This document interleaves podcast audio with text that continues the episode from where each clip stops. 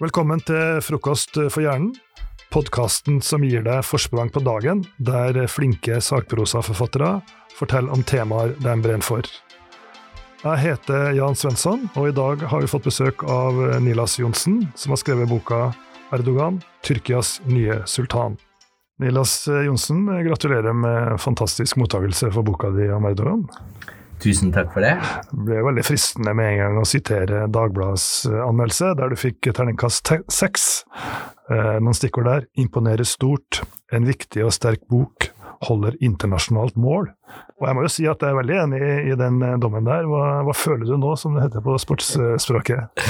Nei, jeg var veldig glad og stolt var jeg også da den anmeldelsen i Dagbladet kom ut.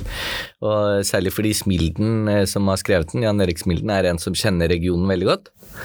Og så har han også vært eh, snill med meg, da, så det er jo koselig. Men eh, det viktige for meg er at denne boka eh, skaper oppmerksomhet om eh, Erdogans Tyrkia og det som skjer i Tyrkia, som jeg er veldig engasjert i og bekymret over.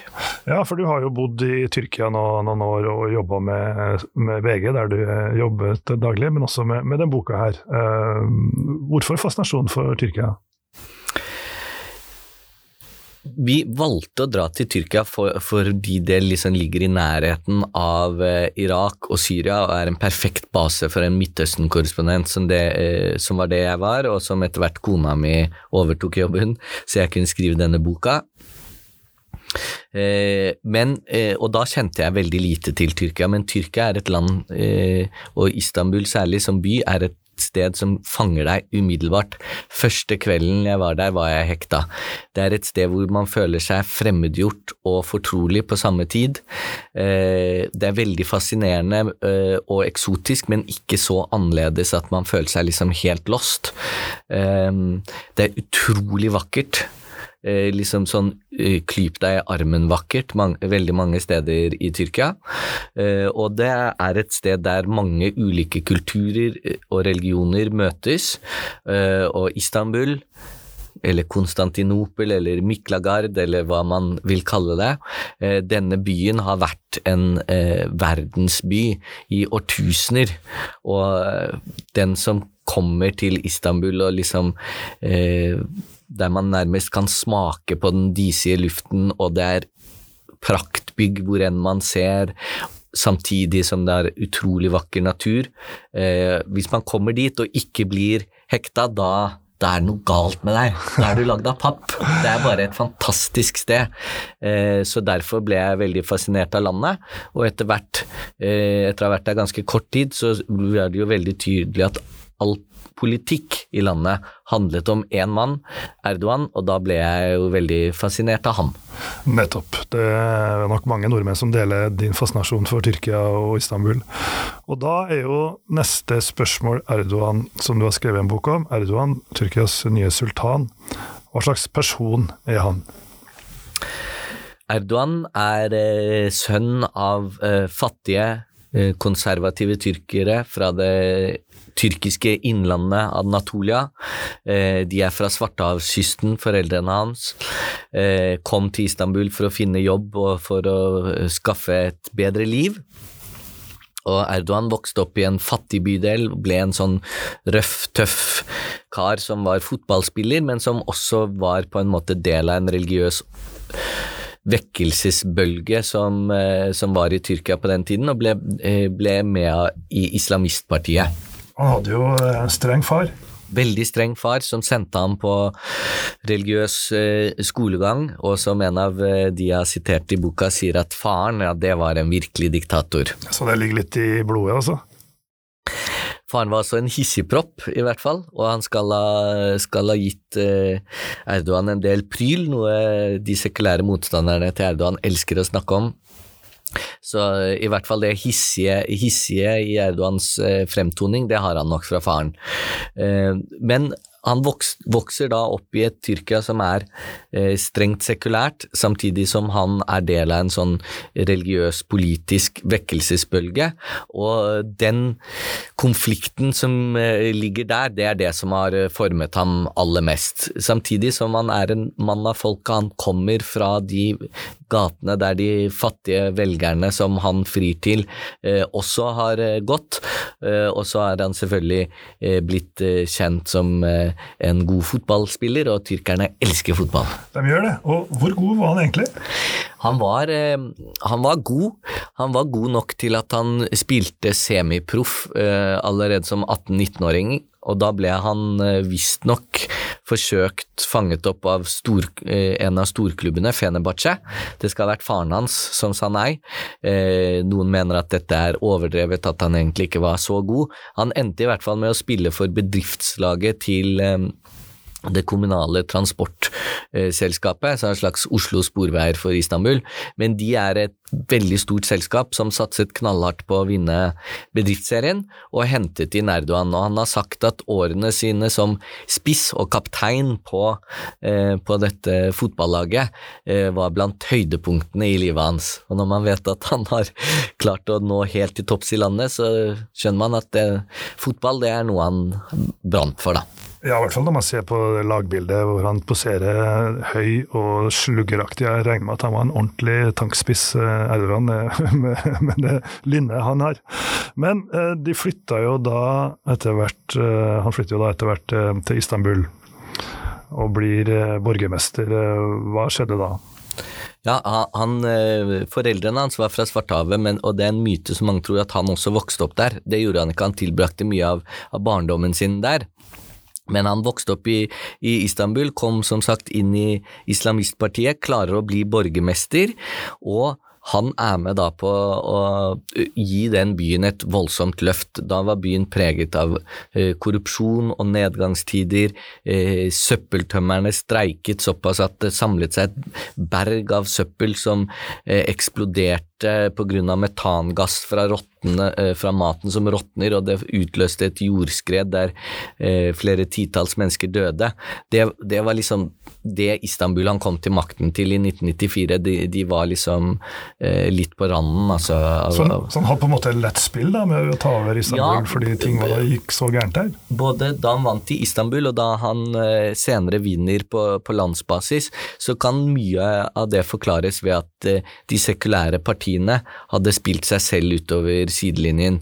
Pluss at i Istanbul, da, for det, det, kaoset som han overtok, det rydder han opp i ganske raskt, så han viser seg som å være en veldig effektiv administrator, samtidig som han var en beinhard islamist, og eh, rundt denne perioden når han var borgermester og prøvde å bli borgermester, så kom han med det famøse utsagnet om at demokrati er som en trikk. Når man kommer til stasjonen man ønsker, så går man av.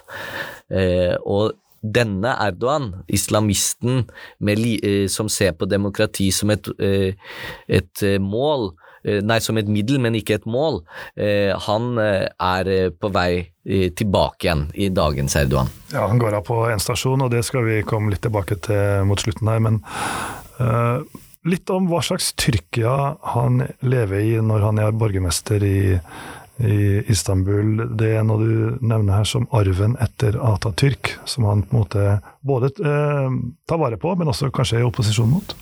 Ja, fordi eh, det er litt komplisert akkurat det der for Erdogan. fordi Atatürk, landsfaderen som samler det osmanske riket fra eh, Samler Istanbul eh, Samler Tyrkia fra eh, asken av det osmanske riket. Han var en streng sekularist som ville ha et veldig strengt skille mellom stat og religion. Han ville at Tyrkia skulle vende seg mot Vesten, og han ga militæret uforholdsmessig mye makt. Militæret flere ganger griper, griper inn i politikken. Så Erdogan vokste opp i generalenes Tyrkia, og var en type leder som disse generalene ikke ville slippe til, en som hadde sin politiske bakgrunn fra et islamsk parti. Så da han endelig når makten på landsbasis, da kommer han omtrent rett fra en fengselscelle, eh, hvor han satt i fire måneder for å ha lest opp et islamsk dikt. Et islamistisk og nasjonalistisk dikt. Det, det, betyr at det er veldig sekulært styre på, på denne tida, da, som, Veldig. som, gjør at han må i fengsel for det her? Ja, og, og et sekulært styre som føler seg utfordret av islamistpartiet, og som slår ned på islamistpartiet. Så da Erdogan kommer ut av fengsel, så danner han et nytt parti, AKP, det partiet han fortsatt leder, eh, Utvikling og rettferdighetspartiet. Og dette partiet, sier han, de har lagt av seg sine gamle klær, vi er ikke lenger islamister, vi skal følge den sekulære grunnloven. Vi har et islamsk eh, grunnsyn, men, eh, men, vi skal ikke blande religion opp i politikken. Og, på den måten klarer han å overleve sine første år ved makten eh, som statsminister. der inngår han et samarbeid med den Gulen-sekten, som man etter hvert har fått høre mye om i Norge, men som vi visste lite om i Vesten på det tidspunktet, og klarer å knekke den sekulære eliten skritt for skritt, fram til vi på en måte nærmer oss eh, rundt 2011. Da har han vunnet eh, tre år på rad, han har nærmet seg EU, brukt EU-reformene til å samle enda mer makt i sine hender, og da, fra 2011, begynner vi å se den autoritære Erdogan i full blomst. Og da, da oppstår det at den sekulære middelklassen begynner å demonstrere eh, mot Erdogan på det tidspunktet. Og Da har han samtidig knytta seg til EU og de eh, europeiske statslederne. Hva slags eh, forhold har han til dem?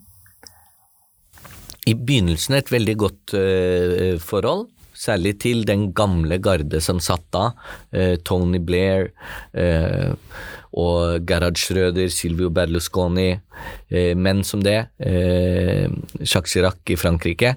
Eh, disse har han et godt forhold til. Han får i gang en EU-prosess. Som sagt, jeg ser det slik at han bruker EU-reformene bare til å styrke sitt eget grep om makten, men samtidig kan man si at, at, at grunnen til at det har gått så dårlig med EU-forholdet nå, er at EU også lukket døra for Tyrkia, for det gjorde de. Og det eh, ble særlig tydelig etter at den gamle garden eh, røk ut, og eh, folk som Sarkozy i Frankrike og Merkel i Tyskland kommer til makten og, er ganske tydelige på at de mener at det er ikke plass til Tyrkia i EU. Så det kan ha kanskje foranlediget den sterke antivestlige holdningen han viser nå, men man må også huske at eh, Erdogans eh, politiske bakgrunn er da fra et islamistparti som var veldig antivestlig, eh, så det er ikke helt lett å si hva som er høna eller egget, men det kommer i hvert fall til en situasjon hvor man eh, innen rundt 2013 har kjørt seg fast i forhold til EU-forhandlingene. Eh, man er i maktkamp med den samme Gulen-bevegelsen som han ha, tidligere hadde samarbeidet med. Eh, og som du nevner, eh, middelklassen er i, i opprør eh, og har vært gjennom en diger demonstrasjonsbølge som blir veldig hardt eh, slått ned på. Ja, Hva skjedde med den demonstrasjonen? Hvorfor oppsto det, og hva skjedde? Ja, Den demonstrasjonsbølgen startet faktisk fra miljøvernere, eh, som eh, demonstrerte mot at man skulle fjerne en av parkene i Istanbul. Erdogan har bygd veldig stort og invitert inn storkapitalister eh, inn i sitt eh, system, eh, og det var det mange som demonstrerte mot, da, at denne parken skulle eh, stenges. men da politiet slår hardt ned mot miljøvernerne, så kommer det en da slippes liksom, da bryter demningen, da kommer alt opp. Demmets sinne og raseri mot makt, eh, maktmisbruket til Erdogan og hans økende autoritære trekk til syne, og millioner av tyrkere, millioner, strømmer ut på gata i enorme demonstrasjoner. Eh, mange trodde dette skulle bli Erdogans fall, men han slår knallhardt ned og går seirende ut. Um, I tillegg så starter det en uh, veldig komplisert eh, situasjon med kurderne. Jeg avslører i boka mi hvordan det var forhandlinger med det forbudte PKK akkurat her i Oslo, eh, men da Erdogan ser at det koster ham stemmene, så vender han kur uh, kurderne ryggen, eh, og avvikler hele den fredsprosessen og istedenfor fremprovoserer en slags eh, borgerkrigslignende situasjon i de kurdiske områdene. Eh, og det igjen medfører eh, og åpner døra for islamistisk terror fra, fra, Syria, fra IS, som mange mener at Erdogan eh, i, i, det hemmelige støttet. Og det var litt det, det Tyrkia jeg kom til i 2016. Da. Det var eh, opprør på alle eh, fronter. Det er maktkamp med, eh, med Gulen-bevegelsen, det er eh, maktkamp med de sekulære etter denne demonstrasjonsbølgen, og internkrig eh, mot kurderne. og en terrorbølge som, som sprer frykt, og et dypt splittet land. Så det Tyrkia jeg først ble så fascinert i og forelsket i, det skjønte jeg at uh, her går uh, mange av mine medtyrkere rundt med en slags konstant kjærlighetssorg. Ja, for Erdogan strammer grepet, og på det tidspunktet her så er han vel statsminister, men ønsker å ha all makt og bli president.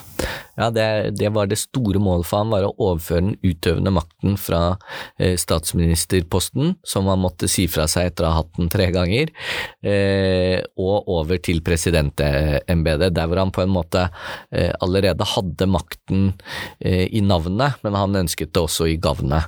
Det, det var det sterk motstand mot.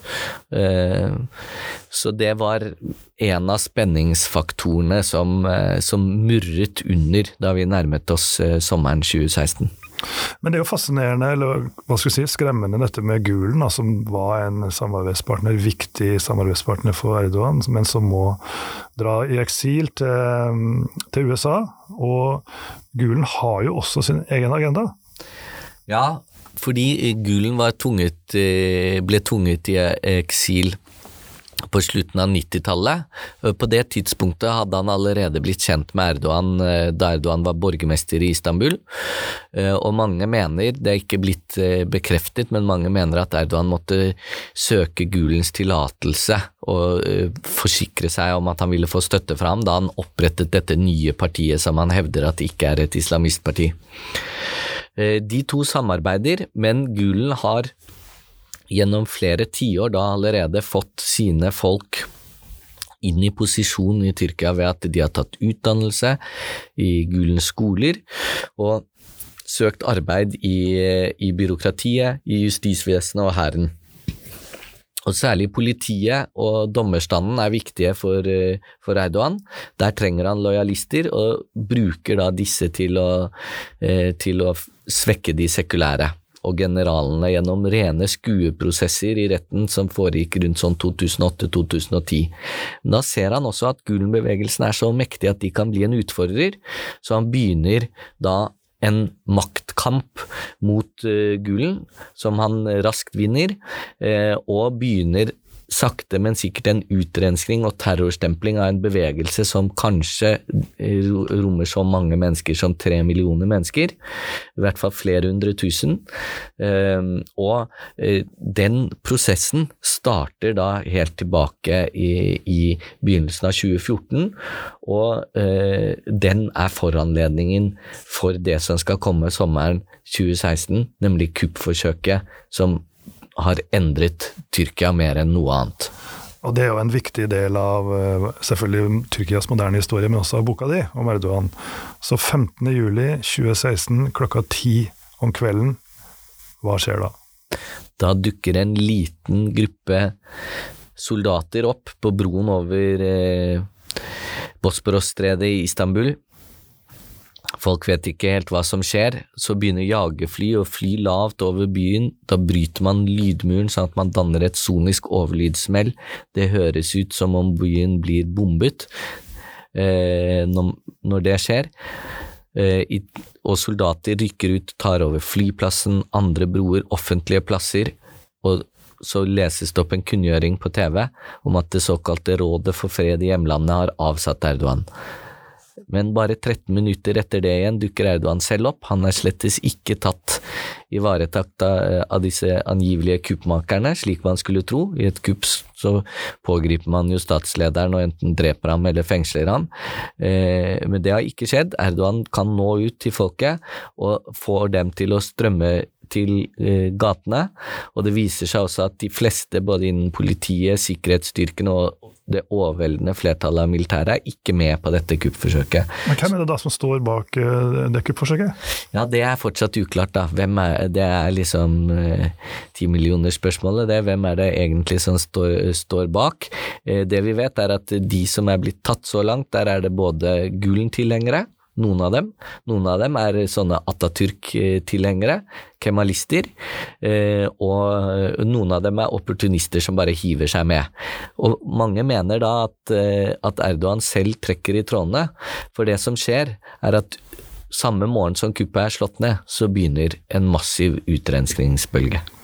Og det dør jo 270 mennesker også i løpet av de, de timene her. Så, og du sjøl, hvor var du da det her skjedde? Selv var jeg dessverre på Lillebjørn Nilsen-konsert her i Oslo.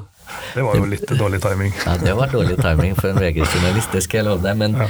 eh, men, da var kona mi her, og jeg hadde langhelg. Jeg hadde skrevet en uh, uke i forveien en kommentar i, i VG om Tyrkias farlige splittelse, eh, fordi jeg følte på den uroen eh, til mine medborgere som hele situasjonen i Tyrkia skapte, men jeg forventet jo ikke et kuppforsøk. Så jeg hastet hjem og kom akkurat hjem til å kunne treffe, eh, tidsnok til å kunne treffe Erdogan i begravelsene etter kuppforsøket, og da ser jeg ham gråte og tørke sine tårer i alles påsyn og love sine tilhengere å innføre dødsstraff, selv om han vet at det kan han ikke gjøre, for da vil han, det vil være den endelige kroken på døra mot EU. Eh, så jeg ser altså en sterk autoritær leder som er blitt forsøkt avsatt i et eh, statskupp, men som går umiddelbart seirende ut av det, og som bruker kuppet til å stramme grepet, og jeg blir veldig fascinert og får lyst til å gå dypere inn i, i denne personen, fortelle hans historie fra barndommen eh, og frem til i dag, men også konsentrere meg på om hva visste Erdogan egentlig selv om dette kuppforsøket.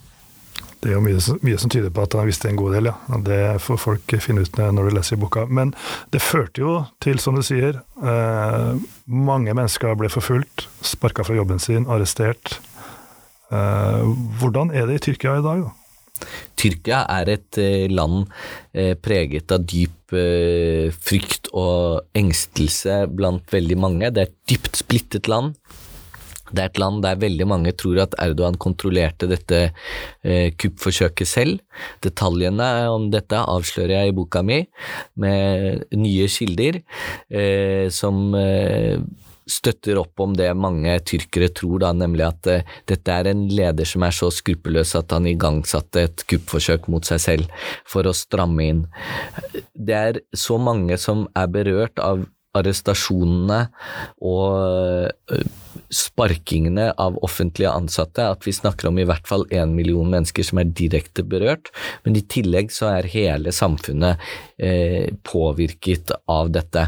Og rundt 50% av befolkningen stemmer på Erdogan, de er hans tilhengere, og de elsker ham, mens den andre halvdelen Kanskje litt mer enn 50% hvis han har jukset i valgene, slik eh, mange mener men rundt halvparten i hvert fall, de er eh, ikke Erdogan-tilhengere, og de hater ham. De frykter ham, og de ser ikke for seg en fremtid i Tyrkia. De føler at de ikke kan eh, snakke fritt, og ikke kan leve slik de ønsker lenger. Eh, og den splittelsen der, eh, som jeg så allerede før kuppforsøket, den er jo blitt enda mye, mye dypere, og den er eh, alvorlig og skremmende. Men er dette et tilfelle i Tyrkia som i en del andre land som vi ser, er det et tilfelle av eliten mot folket? Altså folket liker Erdogan, eliten gjør det ikke? Det blir en forenkling, men det er en forenkling Erdogan har brukt mye. Han eh, fremstilles jo av og til som liksom litt sånn samme type leder som, som, eh, Trump og som Putin, men jeg vil si at det er Erdogan som er originalen, og de andre to der eh, er kopier. Han er den originale, populistiske, sterke mann som ved å bruke splitt og hersk terminologi har karret til seg all makt. Det var en, slik at en sekulær elite undertrykte de religiøst konservative i Tyrkia, og at det også i stor grad samsvarte med de økonomiske klasseskillene. Og det er det man kan berømme Erdogan for. Han har skapt større økonomisk likhet. Han har eh, løftet millioner av tyrkere opp av fattigdom, og han har bygd landet. Men han har også skapt sin egen eh, elite av storkapitalistiske eh, byggherrer og andre superrike som er lojale rett mot ham, og som jeg impliserer i boka mi, sprøyter millioner, muligens milliarder, av penger inn i lommene på Erdogan og Erdogans eh, dynasti. Så eh, Erdogan er i hvert fall i høyeste grad en del av den eliten han selv kritiserer. Det høres jo kjent ut. Hvis vi avslutningsvis ser litt fremover mot 2023, eh, da er det nytt presidentvalg. Tyrkia er 100 år. Hva ser du i glasskula, Nilas? Jeg ser for meg en periode nå hvor Erdogan Eh, stabiliserer Tyrkia, det har han lovet i, i valget i fjor, eh, og styrker sin posisjon uten å slå altfor hardt ned på motstanderne eh, i en viss periode. Men så, inn mot valget, hvis opposisjonen klarer å finne en motstander som Erdogan føler seg truet av, da tror jeg han vil ytterligere trykke på, på, knappene for å øke splittelsen. Eh, muligens vil han igjen la etterretningspolitiet ta eh, eh, slippe litt opp for en sånn terrorbølge, som jeg mener at eh, mye tyder på at skjedde forrige gang, eh, og at det vil bli en kaotisk eh, og farlig situasjon i, i, Tyrkia i forkant av det valget. Det frykter jeg veldig sterkt, og det er alvorlig også for oss i Norge. Det strømmer tyrkere til Norge som vil søke eh, asyl nå, akkurat i disse dager, og et Tyrkia på grensen til Europa som eh, eh, på en måte forsvinner inn i kaos og i verste fall borgerkrig, det er et veldig skremmende scenario. Helt til slutt, du, vi snakka innledningsvis om din fascinasjon for Tyrkia, din kjærlighet til Tyrkia. Til de som hører på, vil du fortsatt anbefale folk å dra til Istanbul og Tyrkia? Det vil jeg. Selv kan jeg nok ikke dra tilbake. Jeg ble advart mot at jeg ikke kunne være der og jobbe der som journalist når denne boka kom ut. Men eh, jeg er ikke blant de som støtter at man bør boikotte Tyrkia. Jeg hører at noen mener det, Norsk Penn blant annet mener det. Uh, jeg tror ikke det vil hjelpe Tyrkia. Vanlige tyrkere, millioner av dem, er avhengig av industrinæringen, og det er også bra for Tyrkia at at man på en måte holder det båndet til, til, Vesten som også turisme er en del av. Og Tyrkia er et fantastisk land, så dra til Tyrkia. Ikke, til, eh, ikke, bare dra til solkysten, men dra oppover, opplev Egeerhavskysten, opplev Istanbul, eh, opplev fjellbyene i Innlandet. Eh, det er et fantastisk land, så jeg er fortsatt akkurat like glad i Tyrkia, enda mer glad i Tyrkia enn jeg var i, begynnelsen. Eh, og samtidig da mener jeg at eh, Norge og norske politikere, Jens Stoltenberg, Torbjørn Jagland, eh, vår egen utenriksminister og statsminister, bør gjøre det de kan for å si veldig klart fra at Erdogans gryende diktatur i Tyrkia, det ønsker vi ikke, og det må man sette foten ned for. Det var en fin eh, konklusjon. Tusen takk til deg, Nilas. Takk for at jeg fikk komme. Takk for at du hørte på Frokost for hjernen. Husk å abonnere på podkasten i din eh, podkast-app, så høres vi.